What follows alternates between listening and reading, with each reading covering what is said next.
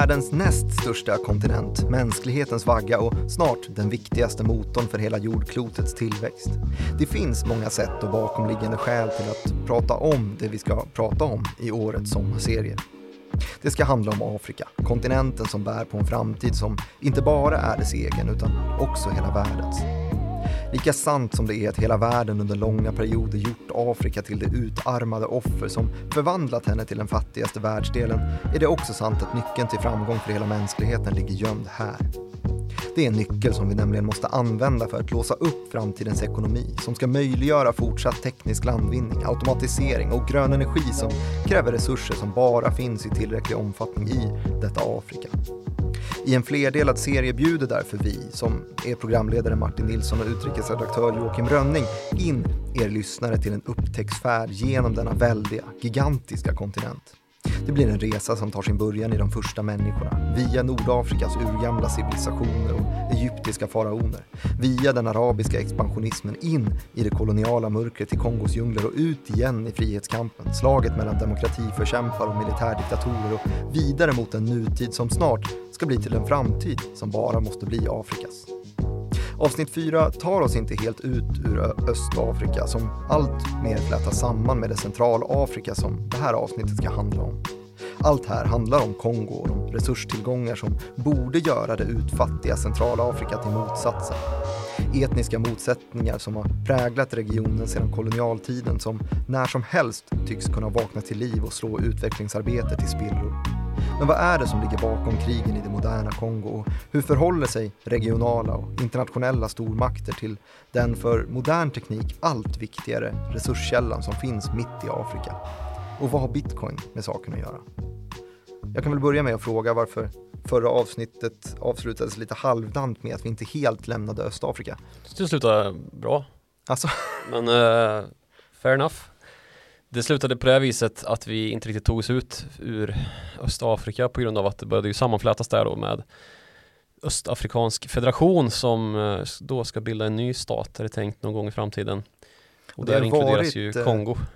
Just det, det har DRC, varit massa... Kongo. Förlåt, vad skulle du säga? Två gånger rad, utan att få till ett andrum.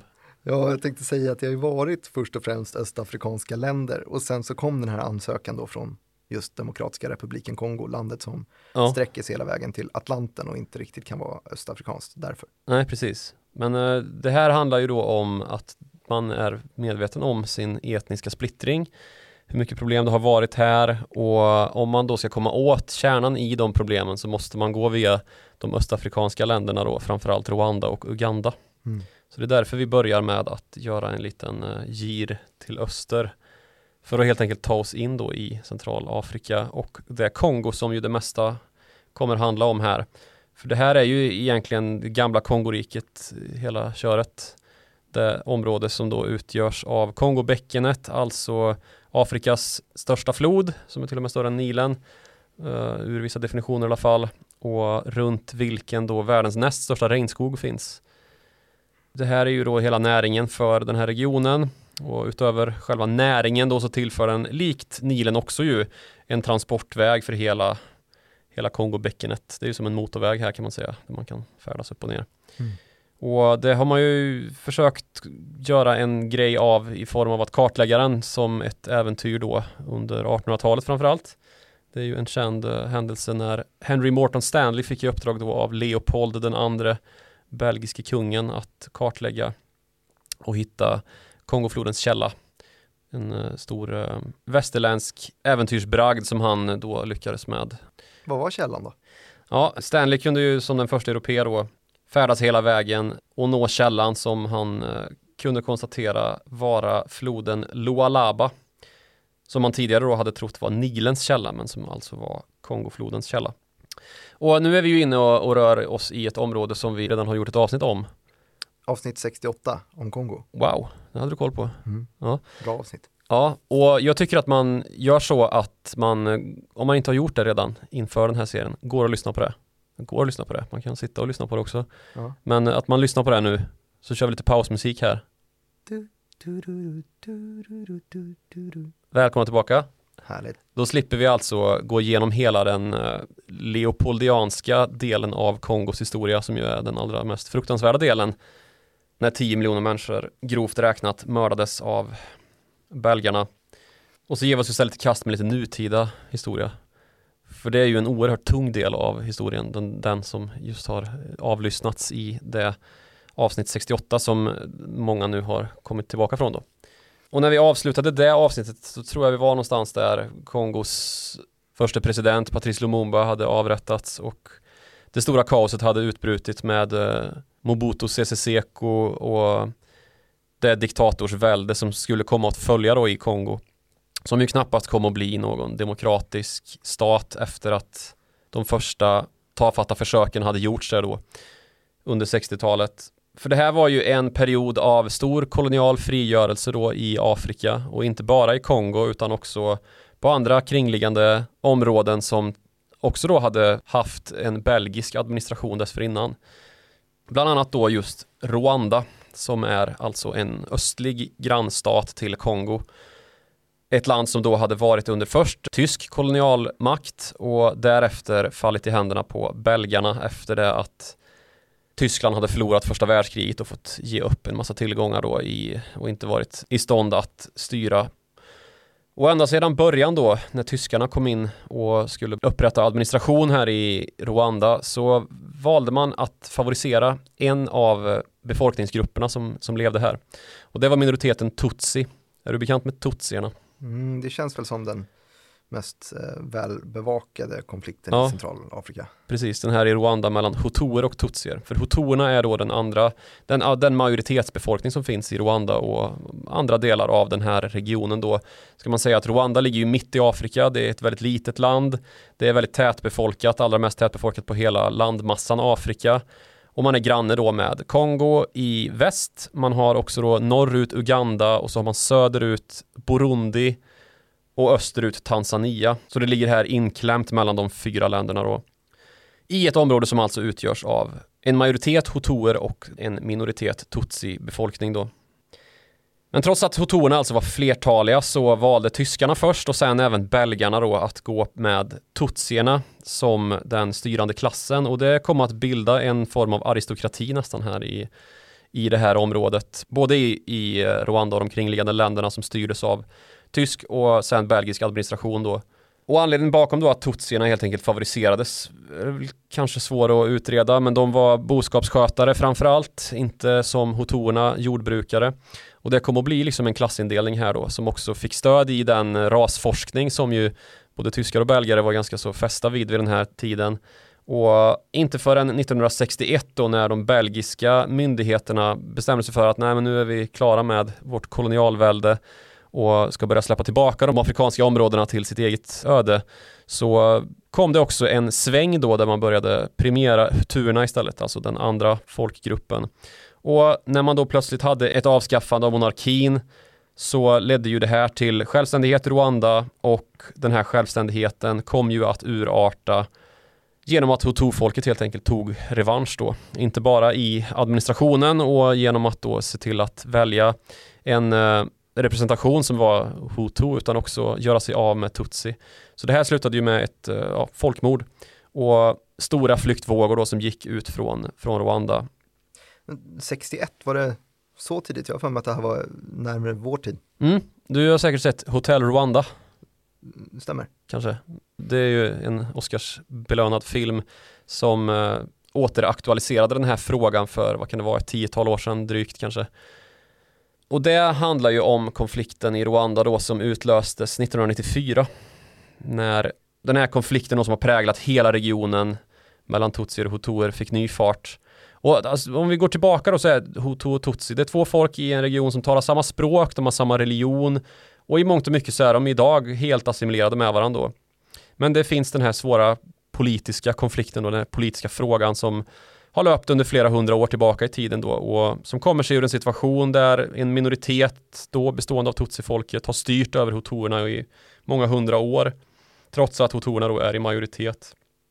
Så det går egentligen tillbaka ända till 13-1400-talet. Och sen så följde då den här skapandet av den tutsiska aristokratin eller nästan som en adelsklass i samhället då när kolonialmakterna ansåg att ja, men det här blir ett smidigt sätt då att skapa administration i den här regionen då i Afrika och då pratar vi ju 1800-tal när belgarna och tyskarna började göra slag i saken här. Och då började man helt enkelt ge tutsierna fördelar på bekostnad av hutuerna. Och det här förhållandet höll i sig till 1961 när belgarna packade ihop och gav sig av i brådrasket. Och hutuerna störtade liksom tutsi-styret i egentlig mening med hjälp av belgarna då. Vilket landade i det första folkmordet här kan man säga. Och sen så kom ju ett nytt folkmord då, den här Hotel Rwanda-vändan 1994 när allting nådde sin absoluta kulmen, för det var ju det allra största folkmordet i modern tid i Afrika. Och det började med att den eh, rwandiske presidentens flygplan sköts ner över Kigali, som är ju huvudstaden i Rwanda. Kort efter att det hade skrivits ett fredsavtal då mellan tutsier och hutuer. Och då började ett folkmord där nästan en miljon människor mördades. Så en miljon människor gick alltså åt efter att eh, presidenten i, i Rwanda hade skrivit ett fredsfördrag då mellan tutsier och hutuer. Så för att spola fram till modern tid då så kan man säga att det är i spillrorna av det här inbördeskriget, den här etniska rensningen som ägde rum i, i Rwanda 1994 och som ju naturligtvis gav stora liksom svallvågor in i grannländerna, som de administrationer som, som fortfarande regerar i Rwanda och Uganda framförallt fick sitt fäste, men också då att det här har blivit danande för hela den här regionen fram till våra dagar och kommit att påverka det betydligt större grannlandet Kongo då via ett flertal krig och regimomstörtningar som med lätthet kan kopplas då till Kongos resursrikedomar naturligtvis. Och det här är en fråga som är dagsaktuell när vi sitter här under sommaren 2022. Men vi ska prata lite grann om eh, de två krigen i Kongo som följde efter det här rwandiska folkmordet och eh, som i sin tur då har lett till att närmare fyra miljoner människor har dött i vad som kommit att kallas då för första och andra Kongokrigen. Så det utlöses här 1994 då? Ja, det är liksom de här första och andra Kongokriget, det är följdverkningar av de etniska spänningarna som råder här och som, som verkligen väcktes på nytt då efter ett 30-tal år av lite slummer. Men du, på tal om, om filmer när vi ändå pratat om sånt. Jag trodde Uganda var känt mest för Idi Amin, Last King ja, of Scotland. Last King of Scotland ja. ja. Ja, det är en annan bra film. Och det är också ett bra exempel på om man ska prata efter koloniala Afrika då, och kolonialmakter som skulle administrera och delade upp då efter folkgrupp att ett folkslag kanske fick militären ett fick eh, administrationen eller myndighetssfären, ett fick eh, lite bättre affärsvillkor. Och att man därur då lyckades skapa en våldsspiral då när någon grupp till sist kände sig förtryckt av ett eller annat skäl och började göra motstånd och då blossade det upp, det blev den här maktförskjutningen. Hämnd ska utkrävas då till exempel eh, av Idi Amin som tog makten 1971 och i det här fallet så blev eh, Tanzania det land där exil-ugandier mobiliserade sig för att göra motstånd och till sist störta diktatorn med hjälp av Tanzanias armé som Uganda förklarat krig mot för att man ansåg att men här har vi lite områden som vi är intresserade av. Så det är ungefär så här det funkar i den här delen av Afrika då. Och någonting som då kommit att upprepa sig om vartannat hela den här efterkoloniala perioden som har varit då sedan 60-talet ungefär. Och i de här etniska konflikterna då, kanske framförallt mot just Idi Amin, så har ju olika män kommit att silas ut som framtida ledare då, de, de ledare vi har idag. Och båda ledarna i, i Uganda och Rwanda som sitter i nuläget, Yoweri Museveni i Uganda och Paul Kagame i Rwanda, de är båda tutsier och har stridit på samma sida då. Kagame alltså Rwandas ledare som en exil-rwandier och Museveni då som, eh, som exil-ugandier som lyckades då bidra till att Idi Amin kunde störtas. Och sen har den här duon då Kagame och Museveni blivit två stycken väldigt starka maktfaktorer i, i regionen här. Museveni som, som har varit president i Uganda sedan 1986 och Kagame som har varit sedan, sedan år 2000 tror jag. Och båda har då varit involverade i såväl första som andra Kongokriget. Men om vi går in på lite mer detaljnivå då, hur, eh, hur utlöstes krigen och, och varför Rwanda just? Ja, alltså Rwanda då som var själva skådeplatsen för det här folkmordet då som skedde 1994 när nästan en miljon människor dog, först och främst tutsierna då. Det blev själva utlösande faktorn då för tutsierna i Uganda som ju var exil-rwandier att börja närma sig att återta makt då. Att man gick in med de miliser och de rebellgrupper som fanns där uppe för att försöka återta makten i Kigali som är huvudstaden för att då med våld helt enkelt fördriva hutuerna då som mördade tutsier. Det ledde till att hutuerna flydde och de flydde då i ganska stora antal till just Kongo.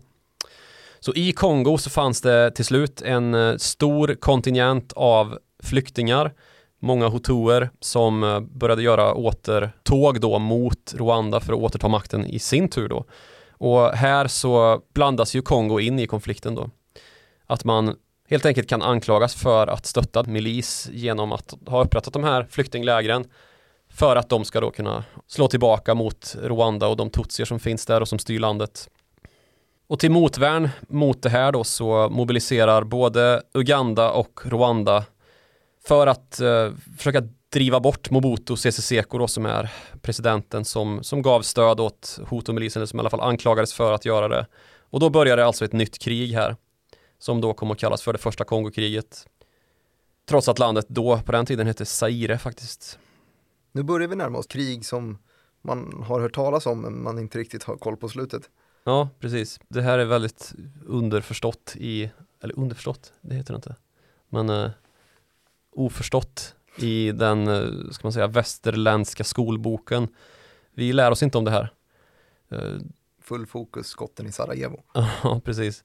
Men det har alltså att göra med Rwanda på ett väldigt centralt sätt och för att komma till upplösningen så slutade det med att man lyckades bedriva Mobutu, den gamle diktatorn som eh, var, väl var mest känd för sin leopardhatt, sin leopardmönstrade hatt.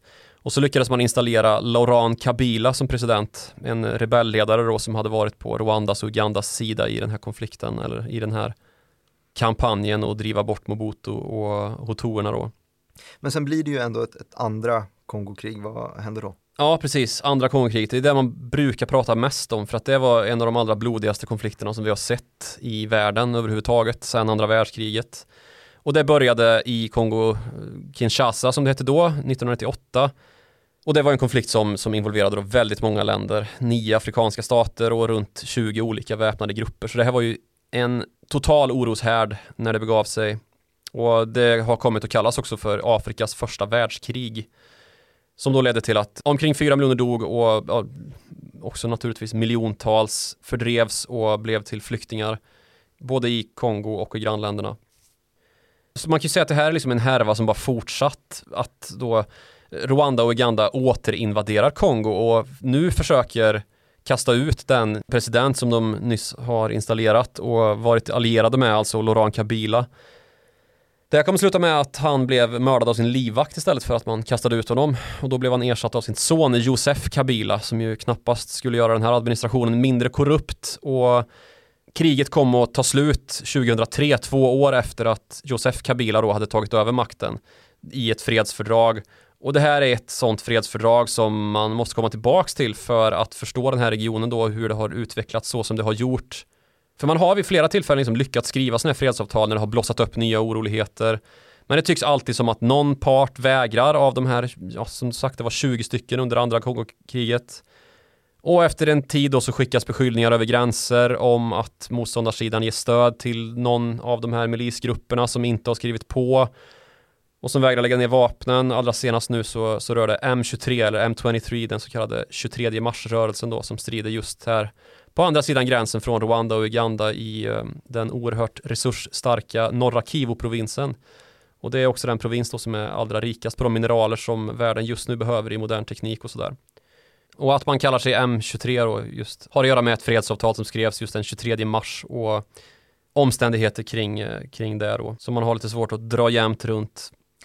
Men Josef Kabila är inte president längre, eller hur? Nej, det stämmer bra. Han satt på posten till 2019 när han blev då efterträdd av Felix Tshisekedi som är den nya presidenten i DRC då, som det kallas Demokratiska republiken Kongo. Och det ska man, eh, om man inte har lyssnat på det gamla avsnittet, avskilja från Kongo Brazzaville ju, som är en gammal fransk koloni som mest är känt för sina oljetillgångar. Ett tag hette det bara belgiska Kongo och franska Kongo, eller hur? Ja, precis. Och så har det hetat Zaire däremellan då, eh, en sväng. Men om man ska lita på, på det nuvarande namnet då, Demokratiska republiken Kongo, eh, han är väl demokratiskt vald också va? Ja, det är han. Och hoppet är att han ska förbli demokratisk, men det är långt ifrån säkert då. Initialt så är ju också de här två ledarna i Uganda och Rwanda ju hyllade som just demokratiförkämpar och det nya Afrikas ledare och sådär. Men allt mer har de ju kommit att bli auktoritära då, som skrivit om konstitutioner för att sitta kvar vid makten och sådär.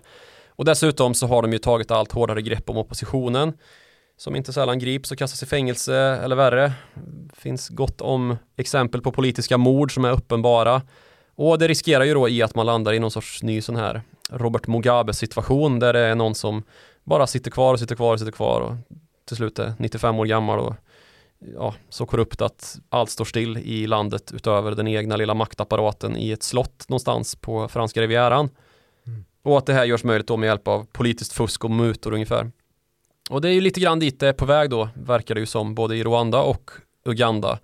Om man inte får till den här östafrikanska federationen då? Som ja, precis. Det är ju lite uppfriskande ändå, att man lyckas i alla fall hitta någon sorts fundament för att förstå att det här är för rörigt, vi kan inte ha det så här Eh, instabilt och så här mycket krig och eländen som ju naturligtvis i nästa skede slutar i sig splittrade separatistgrupper och rebellrörelser som begår kriminalitet då och som ju utgör fundamentet i sin tur för den stora smuggelverksamheten från de här länderna som ju berövas sina naturtillgångar genom att naturresurser skövlas och sen fraktas ut av organiserade ligor som ofta utgörs då av de här gamla spillrorna av rebellgrupper och sådär för att säljas på svart marknad i grannländer då. Så det är ju absolut ett första steg, men sen så finns det ju andra grejer som gör att den här regionen är, vad ska man säga, svårinvesterad. I det då att det finns i Uganda och ja, men flera av de här andra länderna också en för västländer helt oacceptabel hållning i vissa sakfrågor. Som till exempel eh, så är ju Yoweri Museveni internationellt ökänd för den homofobi som han har skrivit in i lagen där då grov homosexualitet bestraffas med döden sedan 2009. Grov? Ja, grov homosexualitet. Och med grov menas då att den dömde för homosexualitet också har HIV. Eh, Lök på laxen. Ja, det är så jävla sjukt. Men jag nu... var faktiskt i, eh, i Tanzania under, under gymnasietiden ett kort tag, besökte en skola. Ja, Tanzania som är ett grannland till Uganda. Just det. Och eh, det var det liknande typ av, av homofobi. Jag minns att vi besökte en skola då och rektorn fick frågan eh, om hur han såg på homosexualitet. Och han eh, tog ett djupt andetag och sen så log han och så sa han Oh, we don't have that problem here. Mm.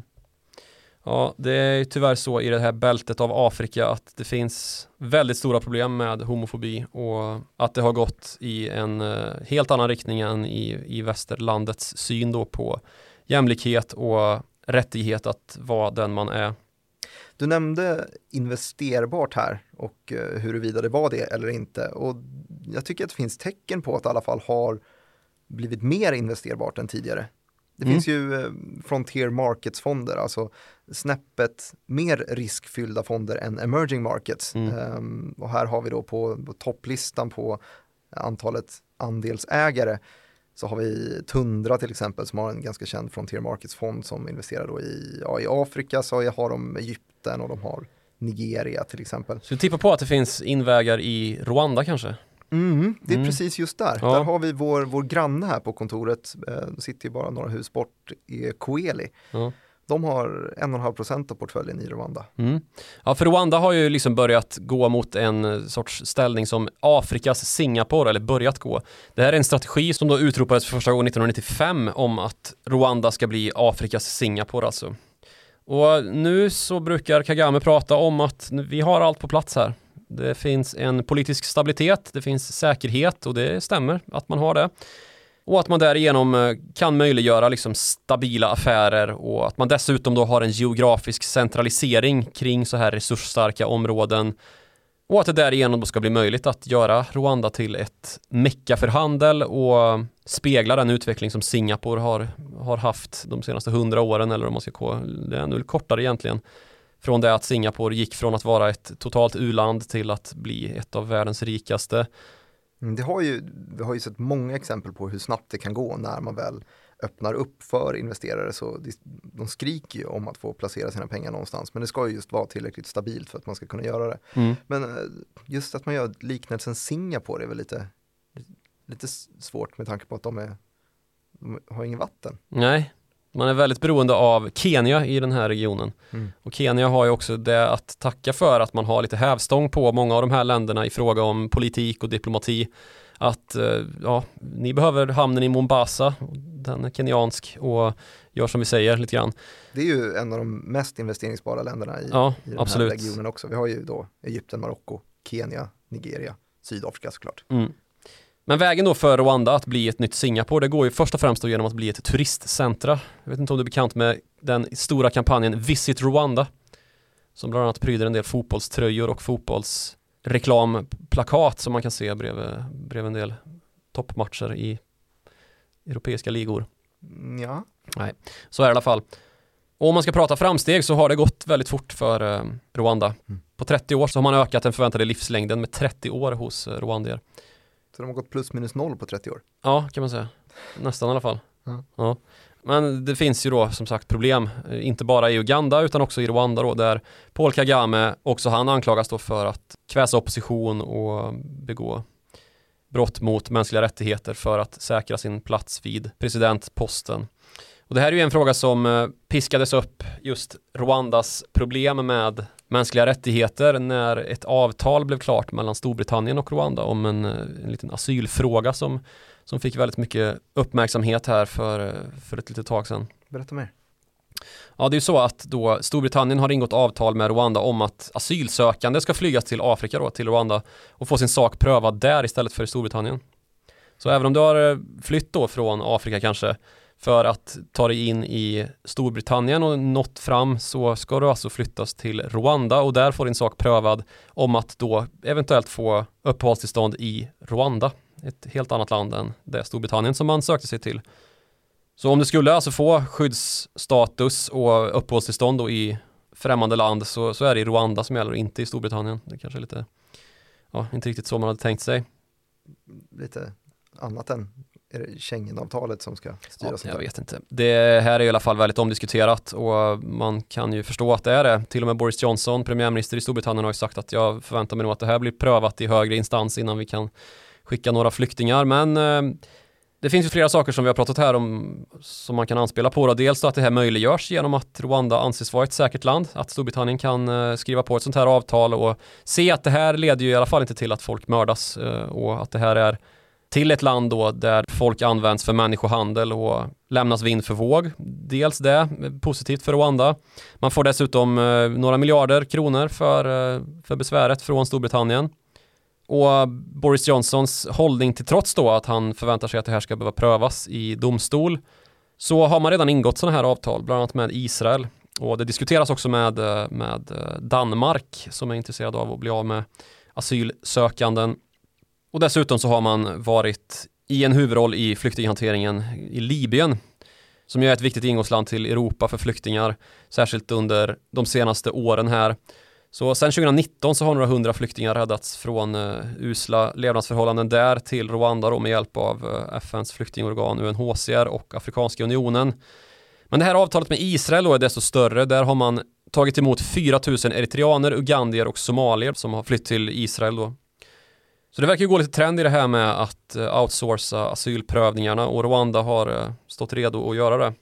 Och då går ju teorin då att det här gör man ju naturligtvis för att få västländer att fokusera på någonting annat än de bekymmer som finns då med Paul Kaganes auktoritet och att det här ska kunna lätta trycket på granskningar genom att få ett avtal då med ett land i säkerhetsrådet som Storbritannien. Det är ju en fin fjäder i hatten både för den här Visit Rwanda-kampanjen och för att då dra bort uppmärksamheten från eh, auktoritet då till att man har ändå en eh, öppen diplomatisk linje till några av världens viktigaste demokratier då.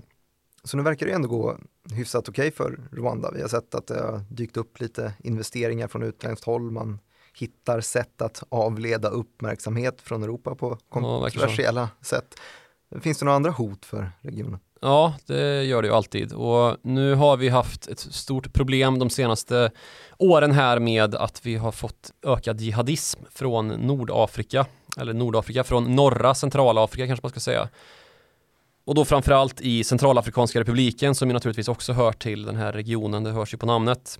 Där har vi haft under 2000-talet en eh, svår konflikt då mellan Seleka som ena delen av den konflikten kallas, en eh, gerillarörelse då som består mestadels av muslimer mot då kristna som kallar sig för antibalaka.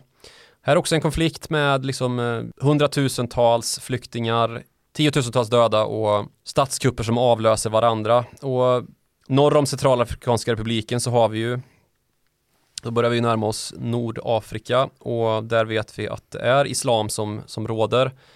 Så norr om Centralafrikanska republiken så har vi Tchad och ytterligare ett snäpp upp så har vi Libyen. Och det har ju varit destabiliserande då att vi har haft en makt i form av Muammar Gaddafi som har suttit som diktator i Libyen i många herrans år som sen försvann då under arabiska våren och som kom att destabilisera då när det utlöstes ett krig också i Libyen då som fortfarande pågår.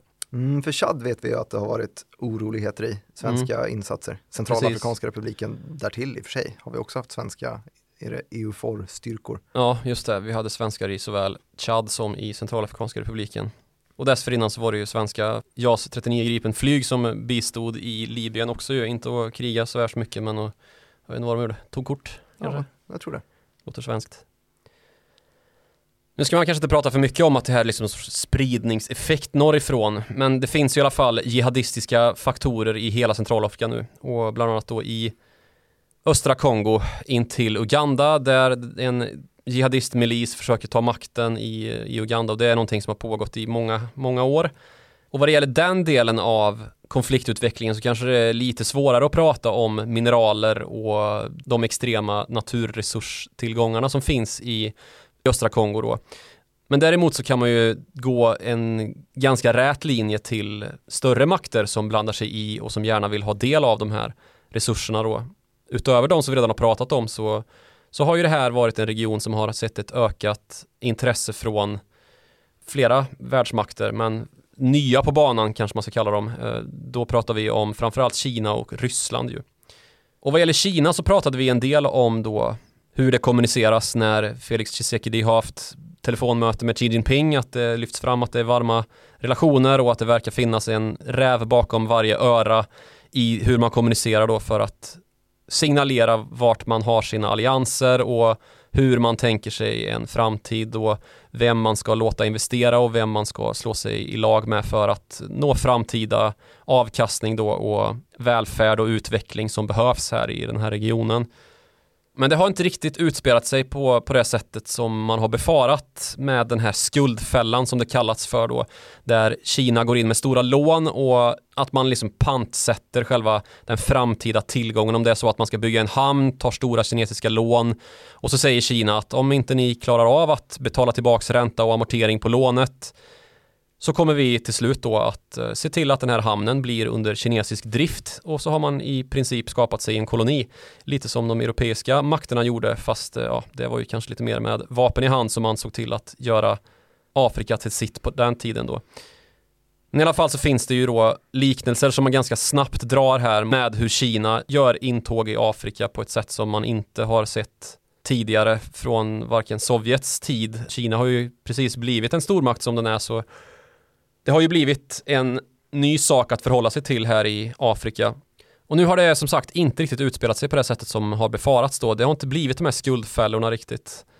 Mm. Utan det verkar som att de här avtalen som Kina har skrivit med de afrikanska länderna har utformats på ett sätt som inte riktigt är lika illavarslande och att man helt enkelt ska kunna roffa åt sig hur som helst. Och det finns väl någon sorts grund i hur nationalstaten av idag är upprättad, liksom att bara för att Kina ger lån till ett hamnbygge eller ett flygplatsbygge i Kongo så, så kommer det inte kunna tillfalla Kina liksom. Det ligger ju i Kongo ändå. Så att eh, det finns en del som talar för att den här oron som har funnits då har varit lite uppblåst.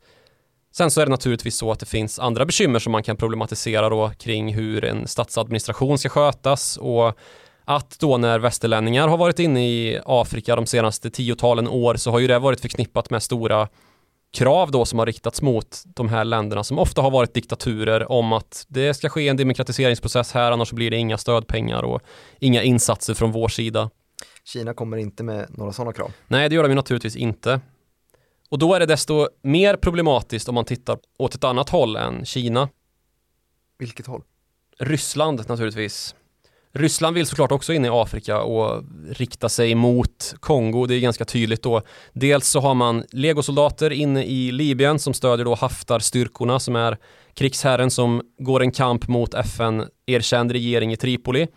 Man har försökt att stötta milisledare i Chad med samma då Wagner-styrkor som gör den här legosoldatarmén som eh, på privat basis verkar för Kremls räkning.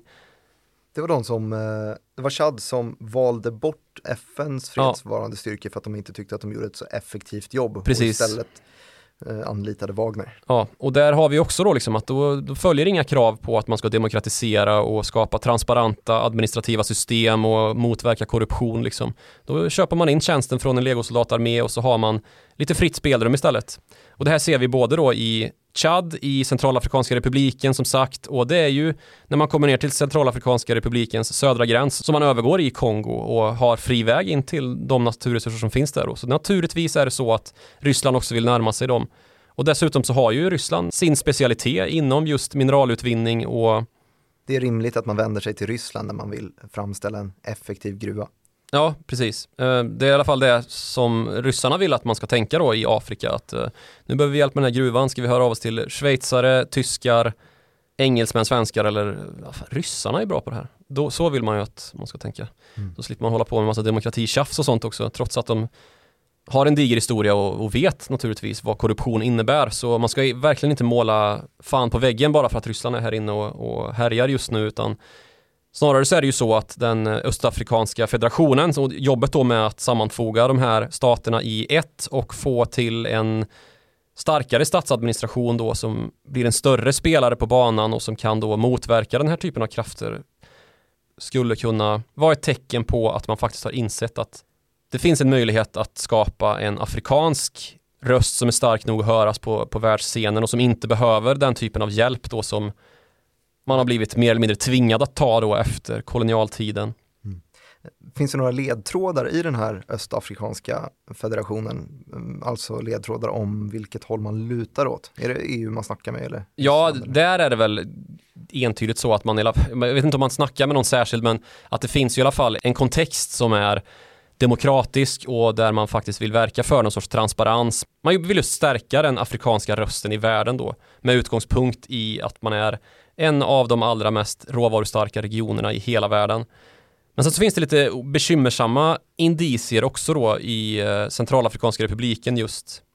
Ett land som har då härjats av statskupper och ett av världens fattigaste länder, djupt nere på korruptionsindex, alltså ett av världens mest korrupta länder. Här har då bitcoin kommit att bli en eh, maktfaktor genom det att regeringen har utsett det här till en officiell valuta här. Hmm. Halvdålig timing. Ja, får man lov att säga. Eh, när skedde det här? I april. Ja, då är det helt dålig timing. Ja, som det brukar vara. Det är ju precis som El Salvador, det andra landet tror jag. Det är väl de två enda som har bitcoin som officiell valuta hittills. Eh, El Salvador har ju också köpt på sig ganska mycket. De har ju köpt på sig. Jag är inte säker på att eh, just Centralafrikanska republiken har så mycket kassa att göra över med och handla bitcoin för. Men eh, ja, El Salvador har i alla fall tagit en god stake. Men hur, hur tänker de då? Vad är, vad är motiveringen? Ja, det är oklart alltså. Särskilt om man tittar på att liksom 9 av 10 i Centralafrikanska republiken har ingen, inte så att de inte har internet, utan de har ingen tillgång till internet. De når inte ens internet, liksom en dagsvandring. De flesta i den Centralafrikanska republikens befolkning. Hälften av befolkningen är analfabeter. Det är ju ett jättefattigt land liksom. Och då får man ju gräva lite längre ner i analysväskan för att hitta någon tänkbar anledning då och då har vi ju korruptionen där. Man har att landet är en gammal fransk koloni som har varit helt beroende av franskt stöd då för att klara sig överhuvudtaget. Man har en korrupt regim. Och då känner man sig tryggare i att handla med en decentraliserad ja, valuta. särskilt när det kommer ryssar och vill vara med och styra landet och försöka skaffa sig en inväg i centrala Afrika och vidare till Kongo då. Och det är någonting som, som eh, Ryssland och genom Sovjet har gjort ända sedan kalla kriget. Och nu söker ju Ryssland uppenbarligen nya allianser här med mm, som sagt milisledare i Libyen och Chad och det ligger ju rakt norrut från Centralafrikanska republiken då så det är ju raka spåret ner till Kongo här. Mm. Och det är den enklaste förklaringen som vi hittar då till varför Ryssland är intresserad av just de här länderna då, Kongo. Och vad händer om man grejar lite för mycket med, med Ryssland och deras ekonomi i våra dagar visar vi de länder då som fortfarande är helt elementära för att Centralafrikanska republiken och omgärdande länder ska kunna mätta sin befolkning om inte sanktioner från väst. Sådana sanktioner blir betydligt svårare om de ska behöva utfärdas i bitcoin naturligtvis. För valutan som nyttjas i de här länderna är ju peggad mot euron då. Så om man börjar få problem med att göra transaktioner i ett eurosystem så faller ju valutan fritt och då kan man förlita sig på bitcoin istället. Smidigt. Mm, jättesmidigt. Så det är lite klassisk maktpolitik från Ryssland då som, som man kan anta ligger bakom det här draget som ju kanske inte var särskilt genialt. Eh, det var det i alla fall inte i El Salvadors fall och jag ska väl inte ta gift på att Centralafrikanska republiken har köpt på sig några resurser då som sagt men gjorde man det så var det ju en riktig nitlott eftersom att eh, bitcoin har kraschat med typ 50% sedan dess eller vad det blir. Mm, kan nog vara ganska, ganska på pricken. Månadsskiftet mars-april så är det ner 50%. Mm.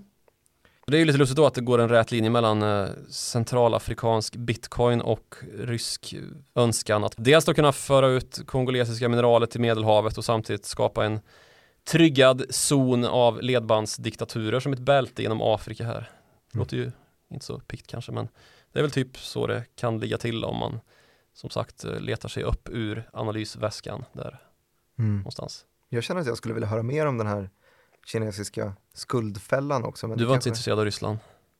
måttligt. Ja, nej, men du får ge dig till tåls Mhm. med den kinesiska skuldfällan så tar vi den i nästa eller nästnästa avsnitt kanske. Just det, vi För har det finns en del intressenter i det där eh, även i södra och västra Afrika som vi ska avhandla också innan den här sommarserien är slut.